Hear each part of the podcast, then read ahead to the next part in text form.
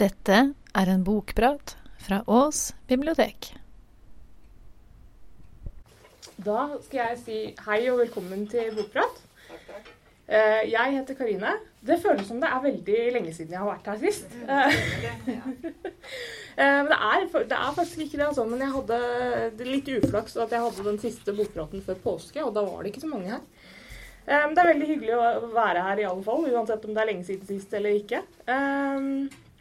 Denne gangen så hadde jeg et uh, stygt tilfelle av beslutningsvegring. Uh, når, jeg, når det gjaldt å finne hva jeg skulle snakke om. Og helt fram til i går så drev jeg om og mena og hadde minst to bøker på, på lista over mulig, muligheter. Og så når en av kollegene mine spurte ja, hva skal du snakke om i morgen, så sa jeg at «Eh, jeg vet ikke helt. Uh, jeg leste ferdig en bok i helga, men den var litt rar. Jeg vet ikke om jeg skal ta den. Um, og så endte jeg opp med å snakke om den boka i fem minutter, sånn uten noe mer, uten noe mer uh, prompting enn det, liksom. Uh, og så sier kollegaen min at du, Karine, jeg syns du skal ta den, jeg. Så da tar jeg den. Og den heter altså Hotell Montebello. Og den er skrevet av Rebekka Wekselsen. Uh, hun, Rebekka Vekselsen er romandebutant. Hun har skrevet én diktsamling før som heter 'Så faller jeg', som kom i 2017. Og så debuterte hun også som romanforfatter med denne her, eh, som kom i januar i år, tror jeg. Så den er ganske ny. Og Hotell Montebello er, eh, for de av oss som er så heldige at de aldri har vært der, så er det pasienthotellet som er knytta til Radiumhospitalet i Oslo.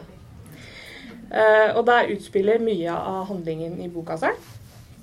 Boka handler om Nina, og, som akkurat har begynt å studere astrofysikk på Blindern.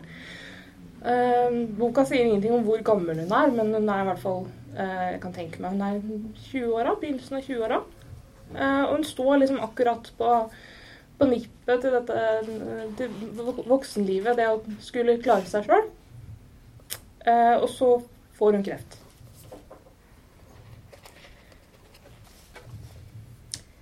Etterpå gikk det flere dager uten at jeg tenkte på kulen over hodet. Jeg gikk på forelesninger, jeg leste pensum, jeg drakk billig studentkaffe i kantina og billig øl alene på hybelen. Jeg forsov meg, jeg skulket, jeg kjøpte bøker jeg ikke trengte, jeg gikk på matiné på Gimle kino og så en tysk film om griser. Jeg hadde nesten glemt hele fettansamlingen da det ringte fra legekontoret. Men ikke engang da legen nektet å gi meg prøvesvarene over telefonen, ble jeg bekymret. Det var ikke før jeg satt i konsultasjonsrommet i underetasjen av Radiumhospitalets pasienthotell og noterte meg at det var flere leger til stede, at jeg begynte å tenke på døden. Jeg så fra den ene til den andre, de alvorlige uttrykkene i ansiktene deres. Jeg hadde ikke sett sånne uttrykk før, og det gikk opp for meg da at det jeg så i blikkene deres, var medfølelse av typen bare dem som nettopp har fått en dødsdom, fortjener. Nina, det er kreft, sa den peneste av legene. Hun var ung, sannsynligvis nyutdannet, og hadde lyst, silkeblankt hår som falt i englemyke bølger nedover skuldrene. Legene, legene som sto bak henne, var eldre. De sa ingenting, nikket bare. Jeg oppfattet at det ikke var meg, men den unge legen de nikket til. Trolig som en oppmuntrende bekreftelse på at hun hadde levert beskjeden til meg på en korrekt måte. Så gjennomgikk hun hva jeg kunne forvente. Jeg ble vist brosjyrer og små videosnutter på YouTube. Det ble forelest og repetert i kulepunkter, statistikker, prognoser, bivirkninger. Jeg fikk et hefte med telefonnumre jeg kunne ringe dersom jeg hadde behov for noen å prate med. Legen ga meg kart over Radiumhospitalet og sykehusområdet, og en bunke med matkuponger som kunne fornyes ved simpelthen å be kantinepersonalet om å kopiere opp flere. Jeg ville komme til å måtte klippe kupongene fra hverandre på egen hånd, da de ble kopiert opp på A4-ark, og personalet ikke alltid hadde tid til å gjøre det. Men dersom jeg trengte en saks, kunne jeg naturligvis få tilgang til det. I resepsjonen på hotellet hang det dessuten en saks ved oppslagstavlen. Den var tilgjengelig for alle, men den var riktignok riktig knyttet fast med hyssing. Veien til vellykket behandling kan være lang, sa den peneste. Det var tydeligvis noe man sa uansett hvordan prognosene var, for de eldre legene tok til å nikke igjen. Det de mente, var at jeg etter alt å dømme kom til å stryke med et eller annet sted på den veien. Jeg kunne se det på den peneste, hvordan hun flakket med blikket, ikke orket å feste det på meg, som om hun var redd for å bli smittet av stygghet og sykdom hvis hun så direkte på meg for lenge av gangen. Du kan bo på hotellet under behandlingen hvis du ikke bor i nærheten. Bor du i nærheten? Nei, løy jeg. Har du foreldre som bor i nærheten? Jeg nølte. Verken tanken på å flytte hjem igjen til mamma eller tanken på å være alene i hybelleiligheten var spesielt fristende. Og jeg visste ikke engang hvor pappa holdt til for tiden. Nei, sa jeg. Rommet mitt vender ut mot et skoglandskap. Jeg tror det er nøye planlagt at utsikten skal ha en viss effekt på pasientene, holde optimismen oppe. Det eneste jeg har med meg, er klærne jeg oppbevarer i en ryggsekk som jeg har plassert under vinduet. Ellers er rommet tomt, bortsett fra et eksemplar av Bibelen og Cappelens konversasjonsleksikon jeg fant i den øverste skrivebordsskuffen. Det er tidlig. Jeg fikk ikke sove i natt. Lå bare og tenkte på døden. I konversasjonsleksikonet leste jeg at døden kan inntreffe for en hel organisme, eller bare deler av organismen. Det betyr at man kan leve videre til tross for at ett eller flere organer i kroppen dør. Jeg har en pågående borgerkrig i min egen kropp. Som organisme forsøker jeg å tilintetgjøre meg selv. Jeg leste også at omtrent 11 000 mennesker dør av kreft i Norge hvert år. Det er nærmere halvparten av alle studentene ved Universitetet i Oslo, målt i tall. Hver dag etter forelesningene har jeg sittet i kantinen på Fredrikke og sett dem bevege seg rundt meg, forbi meg, stadig like fremmede. Som å sitte midt i en maurtue og med ett innse at jeg ikke er en av maurene likevel. Jeg står opp og tar heisen ned i første etasje for å lete etter frokost. I en av brosjyrene jeg fikk utdelt, står det at det serveres fellesmåltider fire ganger om dagen, og at kantinen alltid er åpen hvis man vil spise utenom måltidene. Men det sto ingenting i brosjyren, i brosjyren om hvor kantinen ligger. Det sitter ingen i resepsjonen. Jeg går ut. Det har så vidt begynt å lysne, og jeg registrerer at prydtrærne, som ser ut til å være plantet litt tilfeldig rundt på området utenfor hovedinngangen, allerede har felt mange av bladene sine. Det ligger en pen sirkel av gult løv rundt hver av trestammene. De ser stusslige ut med de splinkle, nesten nakne grenene. På den andre siden av parkeringsplassen står det en mann og røyker. Han er lenket fast til et stativ. Fra en gjennomsiktig pose med blank væske strekker det seg en gummiledning som forsvinner under sykehusskjorta. Jeg kan nærmest skimte konturene av en mye større mann under lagene av skrukkete hud som en gammel ballong som tviholder på luften den har igjen. Han snur seg mot meg og mønstrer meg med blikket før han vinker meg bort til seg. Har du tenkt å rømme, eller? Jeg rister på hodet. Jeg prøvde å finne kantinen, sier jeg. Jeg har gitt opp å rømme, sier han. Det virker ikke som han forventer at jeg skal svare, for han fortsetter bare å snakke. Det blir så jævlig ensformig her oppe. Har tenkt på å ta banen til Majorstua et par ganger, bare for å ta noen øl med gutta på Vaka, men hver gang jeg skal inn på banen med den greia her, ombestemmer jeg meg. Han sparker borti medisinstativet. Lenge har du vært her, spør jeg. Han begynner å le, men det leder til et stygt hosteanfall. Altfor lenge, sier han og rekker meg hånden. Tore. Tore tenner en ny sigarett med glørne fra den gamle, mens han forteller at han jobbet som anleggsgartner i Larvik kommune i 43 år før han fikk sparken fordi han ifølge ham selv hadde vært bitte lite grann full på jobben en dag. Én dag av 14 600 dager. Drittfolk. Når han først har begynt å snakke, ser visst ikke Tore noen grunn til å stoppe. Og snart har jeg fått vite my så mye om ham at han nesten føles som en gammel bekjent. Tore har dratt til Thailand hver sommerferie siden 1998. Noen ganger med en kollega, men som oftest alene. Det var der han var da en svensk bartender han hadde kjent en stund, gjorde Tore oppmerksom på en føflekk på den høyre skulderen hans, og anbefalte ham å få den sjekket. Tore responderte med å fnyse. Er du bartender eller doktor? Gi meg en øl. Og tenkte ikke mer over den før lenge etter at han var kommet hjem igjen. Det var på den tiden han fikk sparken, og like etterpå kreft med spredning. Da han fikk diagnosen, sendte han et brev til den gamle sjefen sin og ga ham skylden for sykdommen. På en eller annen måte hadde det en sammenheng, tenkte Tore. Han skjønte selv at slutningen var relativt søkt, men siden han verken hadde kone, barn eller noen andre familiemedlemmer å klandre, så han gjennom fingrene med sin egen urimelighet. Han fikk ikke noe svar. Jeg skal uansett ikke tilbake til Larvik nå, sier Tore. Det er Thailand eller ingenting. Etter at han har røykt ytterligere to sigaretter, går vi inn igjen sammen, og han viser meg rundt på hotellet. Vi starter i kjelleren, der jeg hadde innskrivingssamtalen. Det er dit vi går når legene har analysert deler av behandlingen vi har vært igjennom. En statusoppdatering. Én fot i bakken. Ett skritt nærmere døden for hver gang man tar heisen helt ned. Der ligger laboratoriet, prøvetakingsrommene, undersøkelsesrommene, kontorer og et pasientbasseng som har vært stengt i flere måneder etter at det ble funnet legionellabakterier i vannet. Tore sleper stativet etter seg mens han veiver med den ledige armen og forteller anekdoter om bygningsmassen, det, det arkitoniske konseptet, det politiske maktspillet i forkant av byggeprosessen, alt han vet om de andre beboerne, i tillegg til en og annen egenkomponert grovis om kreftsykepleierne. Lurer for, jeg lurer for alvor på hvor lenge han har vært her, men jeg tør ikke spørre en gang til, i tilfelle det vil lede til et nytt, til et nytt hosteanfall. Da vi kommer til kantinen, stopper han så brått at det skrangler i medisinstativet. Han tar tak i armen min og peker på en dame som står lent over en stor gryte med noe som kan være suppe eller havregrøt. Berit, hvisker Tore. Hun der skal du passe deg for. Han dulter borti meg, og jeg smiler. Han retter en truende finger mot ansiktet mitt. Jeg mener det, sier han. Med det samme får Berit øye på oss. Kommer, med det samme Berit får øye på oss, kommer hun småløpende med armene flaksende ut til sidene. Besøk, kvitrer hun.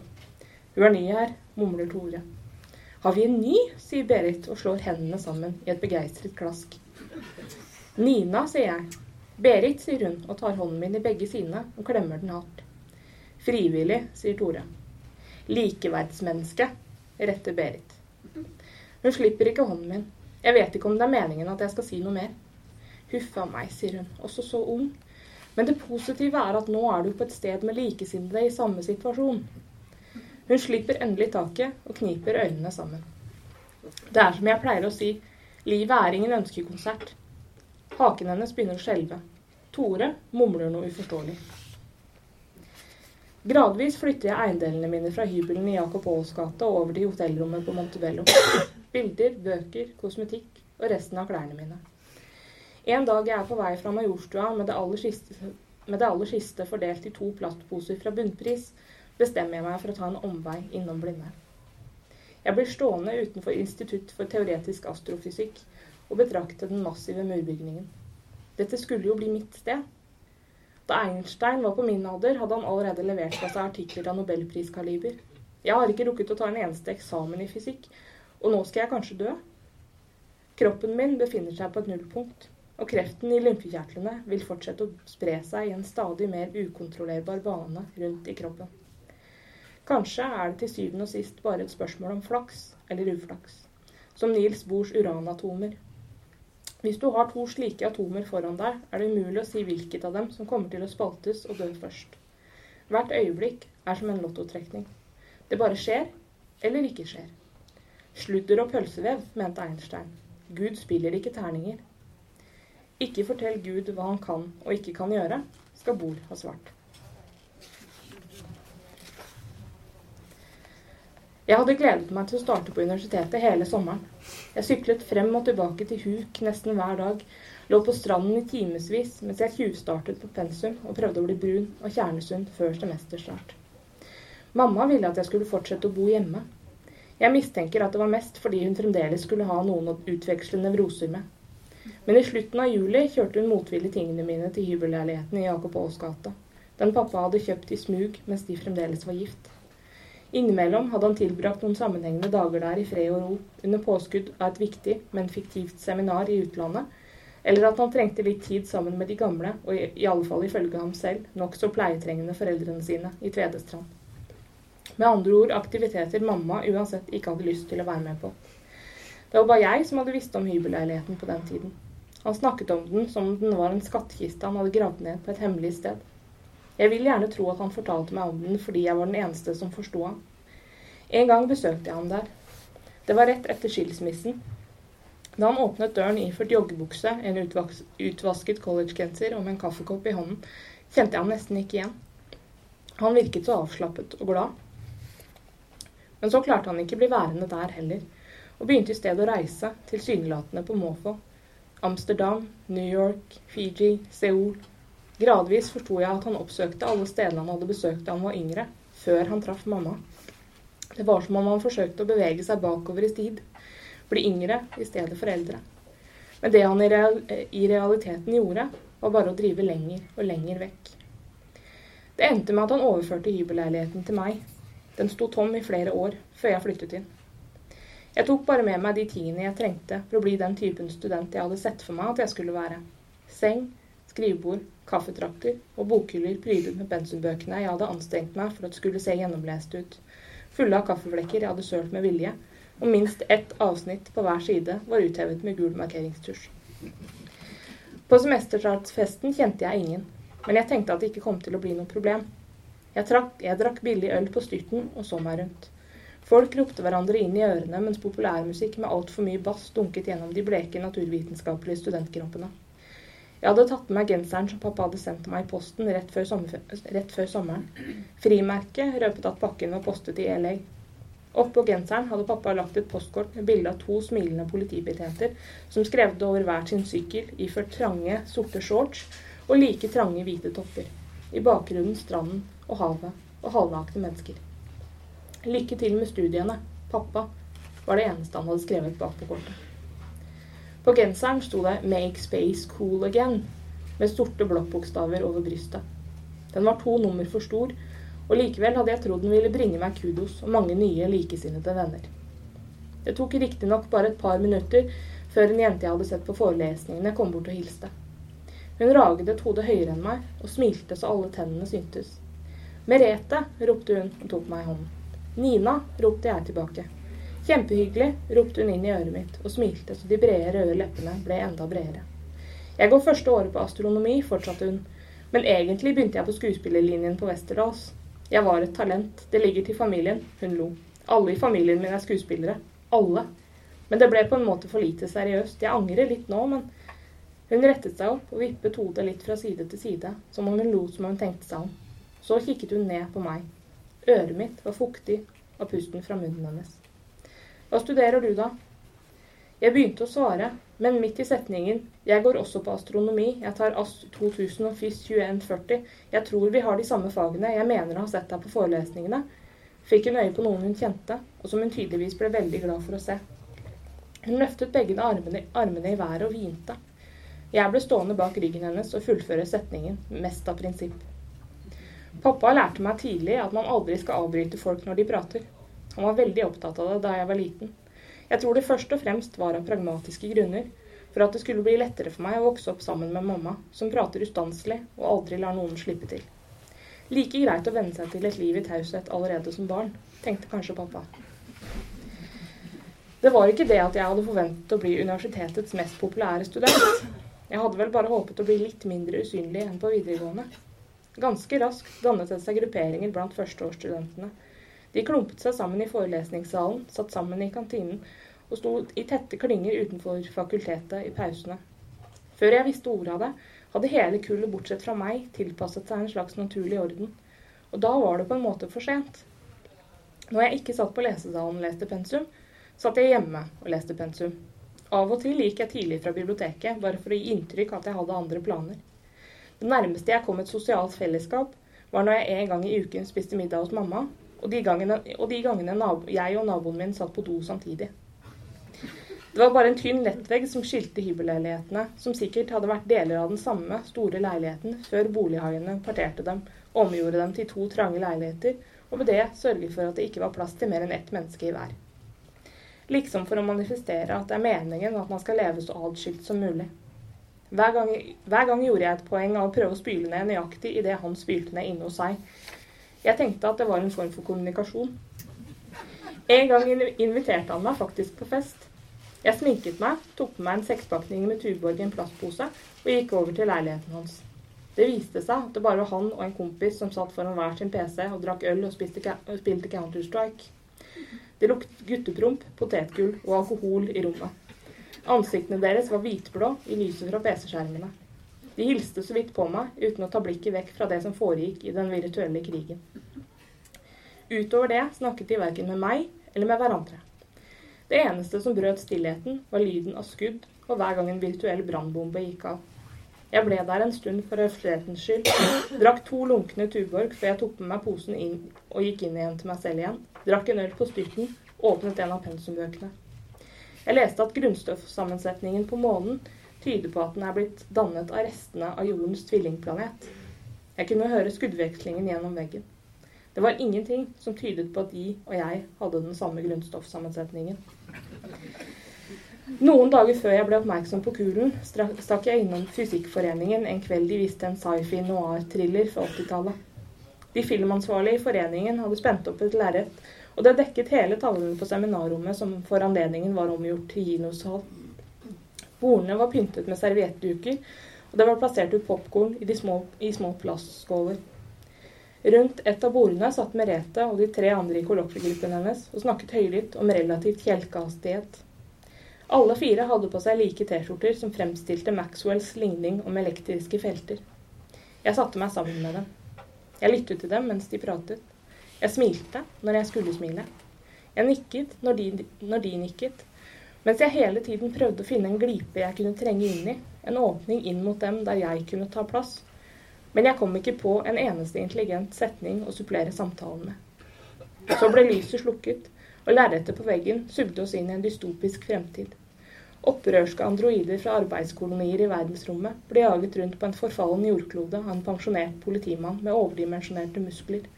Og jeg tenkte at vi bare har én en eneste klode å høre til på. Denne virkeligheten er for liten. Nina har, som dere hører, en leilighet i Oslo. Moren hennes bor rett i nærheten. Det er ingen grunn, egentlig, til at hun må bo på, på pasienthotellet på Hotell Montebello.